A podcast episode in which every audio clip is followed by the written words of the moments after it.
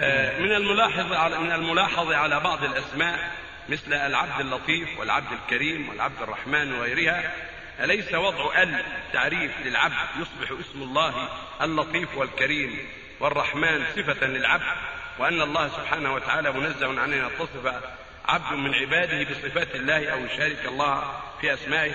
وهذا نوع من أنواع الشرك نرجو التنبيه على ذلك.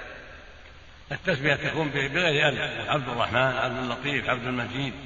عبد القدير عبد السميع هذا التسمية أما العبد اللطيف هذا قد يكون أراد به لطفه كون لطيف أو كون كريم أو كون الجواد هذا لا بأس العبد الجواد أو العبد الكريم إذا قال لكن قد يقع هذا في, في لسان العجمة في بعض ألسنة العجم قد يتكلم بهذا من غير نظر للمعنى.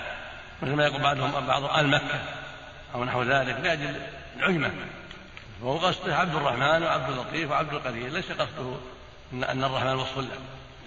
فإذا كان المقصود إنما هو التعبير لله فلا حرج. هل وقع هل هنا وقعت من أجل العجمة من أجل قلة العربية قلة البصيرة. والإعتبار بالمعنى مقصوده بالمعنى أنه عبد الرحمن وأنه عبد الله وأنه عبد اللطيف. فإن كان المقصود الوصف يقول هذا فلان اللطيف يعني في أخلاقه في كلماته هذا شيء آخر. وصفه بأنه لطيف أو بأنه كريم أو بأنه رحيم أو بأنه عطوف لا, بأس بهذا. ليس هذا من منكر نعم.